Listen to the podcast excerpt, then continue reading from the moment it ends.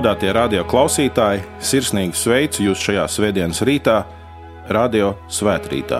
Ar jums kopā ir mācītājs Pēters Eisāns. Ieklausīsimies Bībeles vārdos no Pāvila vēstules Efeziešiem, 4. nodaļas, no 29. panta līdz 31. No jūsu mutes, lai nenāk nekāda samaitāta runa, bet tikai tas, kas ir derīgs un nepieciešams stiprināšanai, lai būtu par svētību klausītājiem. Un neapbēdiniet Dieva svēto garu, ar ko jūs esat apzīmogoti izpirkšanas dienai. Visu rūkums, niknums, dusmas, klaigas un zaimi no jums, lai ir tālu prom līdz ar visu citu ļaunumu. Āmen!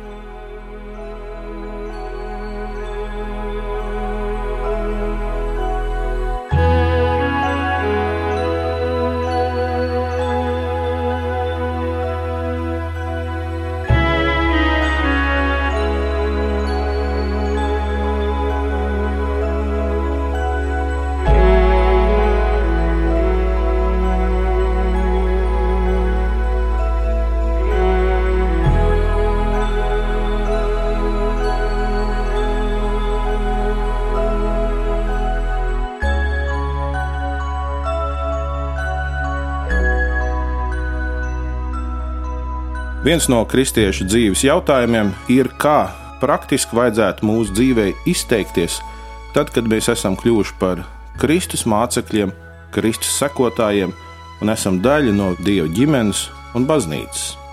Un apustulis Pāvils Efeziešiem rakstot vēstuli, viņš sadala to divās lielās daļās, kur pirmajā daļā viņš skaidro par to, ka sava grēka un savas sacelšanās pret Dievu dēļ Mēs esam bezcerīgi, mēs esam miruši, šķirti no Dieva svētībām un no Dieva ģimenes, un bez spējām kaut ko vērst uz labu. Taču labā ziņa ir tā, ka mēs, kas bijām miruši savos pārkāpumos, esam Kristus dzīvi darīti un glābti.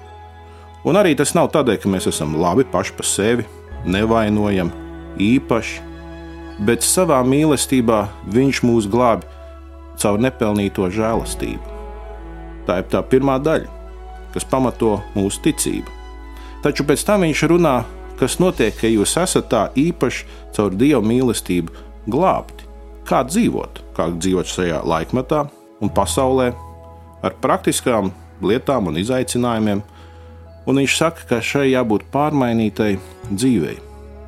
Viņš runāja par to, ka, piemēram, 25. pantā, ka mēlis vairs nemelo, bet runā patiesību. 26. pantā viņš piemin, ka dusmīgais iemācās valdīt pār dusmām. 27. viņš runā, zaglis vairs nezog, bet viņš strādā un kļūst par tādu cilvēku, kas gādā ne tikai par sevi, bet viņš svētī arī citus, un tās ir reāls pārmaiņas. Pārmaiņas ir arī mūsu valodā, un par to arī šeit mēs lasījām. Ir jauna dzīve, kas izteicās jaunās vērtībās, un arī dzen, jaunā valodā. Lai pamanām pāris lietas, ko šeit apustulis saka, vispirms viņš liek mums saprast, ka vārdā ir spēks. Protams, mēdz jau teikt, vārdi ir lēti, tie neko nenozīmē, bet viens vārds var nozīmēt tik ārkārtīgi daudz. Nu, ja uzņēmējs grib attīstīt kādu jaunu produktu, un viņš iet uz banku, saņemt kredītu, jā vai nē, izšķirs ļoti daudz. Un, ja jaunieci grib mācīties, nu, augstskolā un tikt budžeta grupā, tad izšķiroši ir viens vārds - jā vai nē. Un var jau būt, ka kāds jauneklis gribēs saņemt drosmi un jautāt meitenei, vai tu man precēsi? Un viens vārds - jā vai nē. Izšķirs tik ļoti daudz. Un reiz arī Adolfam Hitleram bija viena vārda arsenālā, bet šie vārdi kļuva par ieročiem. Un kas var pateikt? Cik laulības nav izirušas dēļ vārdiem, un cik konfliktu un rūkumu mūža garumā nav bijis tikai dēļ vārdiem. Vārdā ir spēks. Bet kādēļ vārdā ir tāds spēks? Vēstulē ebrejiem mēs lasām 11. nodaļā, 3. pantā, jo ticībā mēs saprotam, ka pasaule ir radīta Dieva vārda spēkā, ka no neredzamā cēlies redzamais. Vārdus mēs neredzam, bet tie rada redzamu rezultātu. Nebija nekā, un Dievs ierunāja eksistencē visu, kas ir. Tas ir vārda spēks. Bībeles Dievs rada ar vārdu. Viņš teica, lai top gaisma, un gaisma top. Viņš saka visam, kam jātop, un tas top. Iesākumā bija vārds, un vārds bija pie Dieva, un vārds bija Dievs. Bībeles Dievs, kurš pats ir vārds, viņš rāda ar vārdu. Un mēs varētu jautāt, kādēļ cilvēku vārdā ir spēks? Tādēļ, ka Dievs mūs ir radījis pēc savu tēlu un līdzības. Vai piekritīsiet, ka cilvēks ir unikāls savā verbālās komunikācijas spējā? Dzīvnieku valsts šķiet nepazīst neko tādu, ko pazīstam mēs. Liekas, tur nav māksla, tur nav dzēja, un arī augu valsts šķiet pilnīgi klusa iepratim cilvēkam. Bet mēs, pēc dieva līdzības radītie, spējam runāt. Mūsu dievs runā. Tāpēc ir mums Bībele. Dievs rada ar vārdu, Dievs glābj ar vārdu, un Dievs dziedina ar vārdu. Un Viņš ir ielicis arī mūsos šo spēju lietot vārdu. Bet jautājums, kā mēs to lietojam? Šeit apustulis saka, neapbēdiniet Dievu svēto garu, jo lietojot vārdu ne tā kā Dievs to ir iecerējis, ne tā kā Viņš mūs radīs, lai mēs tos lietotu, mēs apbēdinam viņu. Līdzīgi kā varbūt, ja bērni lieto vārdus ne tā kā mācīt, viņi apbēdina vecākus. Vārdos ir spēks. Tādēļ apustulis šeit saka, ka patiesībā mēs varam vārdus lietot divos veidos. Viņš šeit arī e, mūs aicina, lai mēs novelkam līdzīgi kā apģērbu vārdus, kas ir samaitāti. Viņš saka, no jūsu mutes, lai nenāk nekāda samaitāta runa, bet tikai tas, kas ir derīgs un nepieciešams stiprināšanai. Vārdiem ir spēks. Kā Sālamans ir teicis, nāve un dzīvība stāv mēlis varā. Katru reizi, kad mēs atveram muti, nāve vai dzīvība nāk no tās. Tādēļ vārds ir kā pielādēta pistole. Mums jāmāk novilkt vārdus, kas ir samaitāti. Ko nozīmē šis vārds, ko lieto Pāvils? Orģinālā tekstā tas ir vārds, kas aprakstīja sapujušus augļus, jeb pūstošu gaļu. Tā tad vārdi, kas neder cilvēku uzturam, vārdi, kas atņem prieku, kas laupa spēku, kas laupa drosmi un cerību. Viņš saka, no jūsu mutes, lai nenāk nekāda samaitāta runa. Tālāk, jau, kad mēs skatāmies, viņš runā, viņš runā par dusmu izvirdumiem un kliekšanu. Tā ir samaitāta runa. Samaitāta runa būtu arī pazemojošs humors, kaut bieži vien tik izplatīts mūsu sabiedrībā asprātīgas, bet tādas indīgas un dzēlīgas piezīmes. Īpaši, ja tas ir kaut kur ģimenē vai laulības kontekstā, tas ir ar nāvējošu devu. Jeb arī apsūdzības un motīvu piedēvēšana otram, kādēļ viņš vienā vai citā veidā rīkojās, tā ir samaitāta runa, aprunāšana, zaimošana, apmelošana, jeb arī draudēšana un iebiedēšana. Samaitāta runa arī var būt kļūdu pārspīlēšana un šo kļūdu nemitīga atgādināšana, jeb arī nepārtraukta kritizēšana un apspiešana citu cilvēku klātbūtnē. Varbūt pēc tam tikai pasakot, nu, es jau tikai pajokoju. Tā ir samaitāta runa. Tā nedara cilvēku uzturam, tā laupa prieku, drosmi, cerību. Taču tāda runa var ienākt ģimenē. Vai tas ir ienācis tavējā? Tāda runa var ienākt arī darba kolektīvā, Vai tu to esi piedzīvojis? Un par nelaimi kaut kas tāds arī var notikt draudzēs. Vai tu to esi iepazinis? Lai pamanām, ka 30. pants runā par svētā dieva gara apbēdināšanu. Tieši starp 29. un 31. pantu un abos runa par runāšanu. Bet tas parāda to, ka mūsu runa var apbēdināt Dievu. Pāvils saka, rūkums, niknums, dusmas, klaigas, zaimi, lai ir tālu prom no jums līdz ar visu citu ļaunumu. Viņš saka, novelciet šo veco cilvēku, šo veco runas veidu un manieri, bet kādēļ? Lai jūs neapbēdinātu Dievu svēto garu, kas ir jūsos. Tādēļ arī šodien, ja tu atpazīsti sevi šo runu, Dieva vārds saka, novelc. Taču mums nevajag būt tikai kādu apģērbu novilkušiem, kādu runas veidu novilkušiem. Apostols šeit arī saka, mācies runāt, mācies runāt atbilstošā veidā, uzvelciet stiprinošos vārdus. Tas, kas derīgs un nepieciešams stiprināšanai, lai būtu par svētību klausītājiem, tādus vārdus apvelciet. Zīmīgi, ka bieži vien jau ir eh, grūti mums eh, vārdus teikt. Mēs cilvēki sakam, mēs esam latvieši, mēs tā nemākam kā citas tautas, mēs tādi introverti, bet uh, tas nav par mūsu etnisko mentalitāti, bet tas ir par mūsu izvēlēm. Kā mēs varam celt citus cilvēkus? Apostols šeit saka, sakiet to, kas ir derīgs un nepieciešams stiprināšanai, lai būtu par svētību. Derīgs vārds ir iederīgs, atbilstošs un tādā īstajā brīdī. Un kas ir nepieciešams stiprināšanai? Redzēt, tas nozīmē to, ka bez taviem vārdiem kādam var vienkārši nepietikt spēka un nepietikt drosmes kādam labam darbam. Apostols saka par svētību klausītājiem. Un tas norāda to orientāciju, ka nevis par svētību runātājiem, bet ka klausītājs, tas, kas dzird šos vārdus, kas tos saņem, vai tas būtu bērns, jaunietis, pieaugušais vai sirmgalvs, ka viņš caur to būtu svētīts. Tam vārdam jābūt derīgam, nepieciešamam, priekš klausītāja, priekš otra.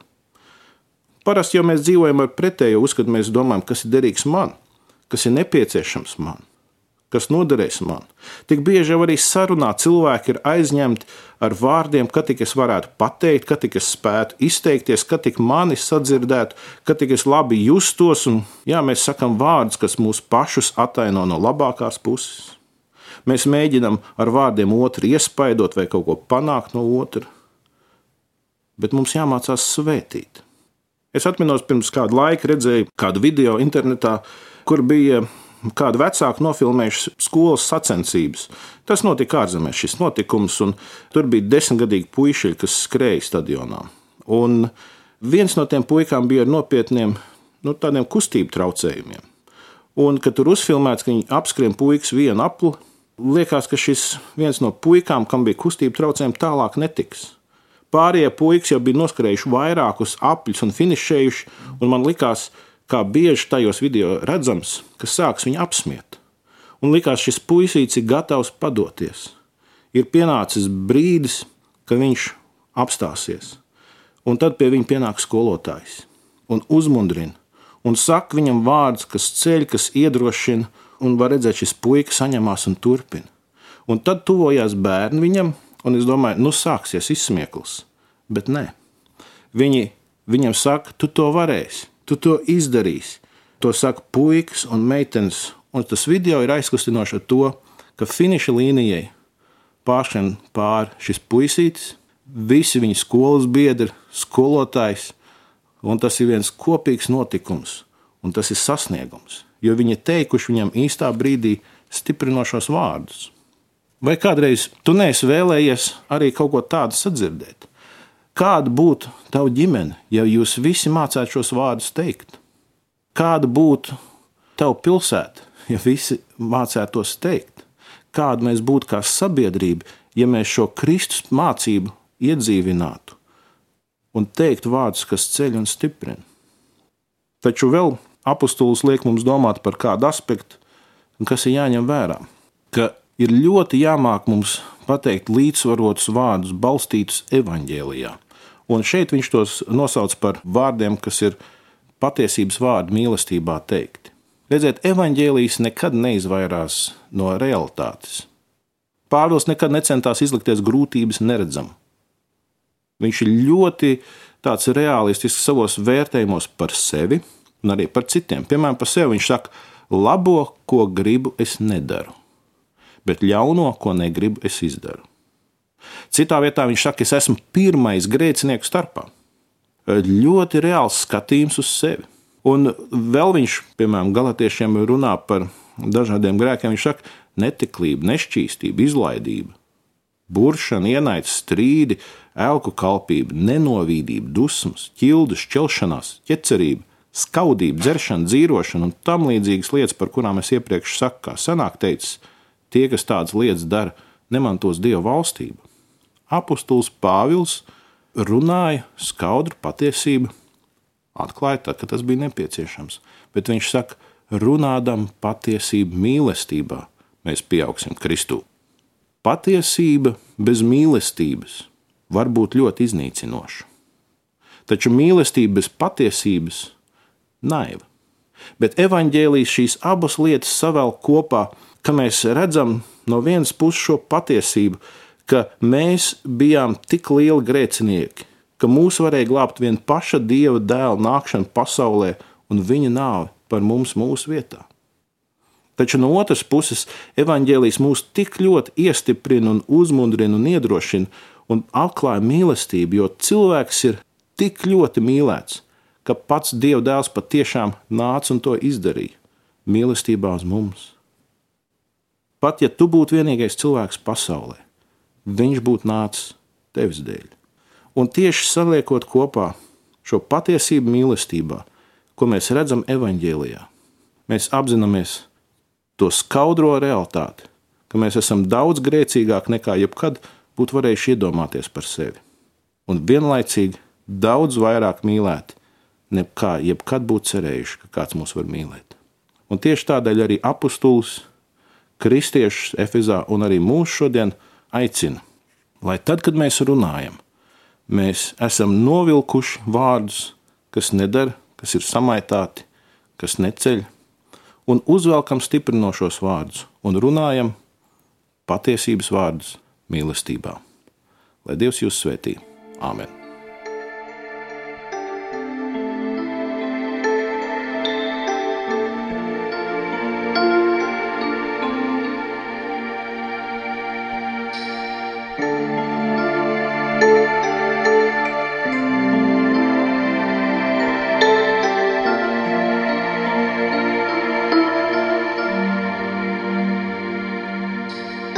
Tēvs, Dēls un Svētais Gars.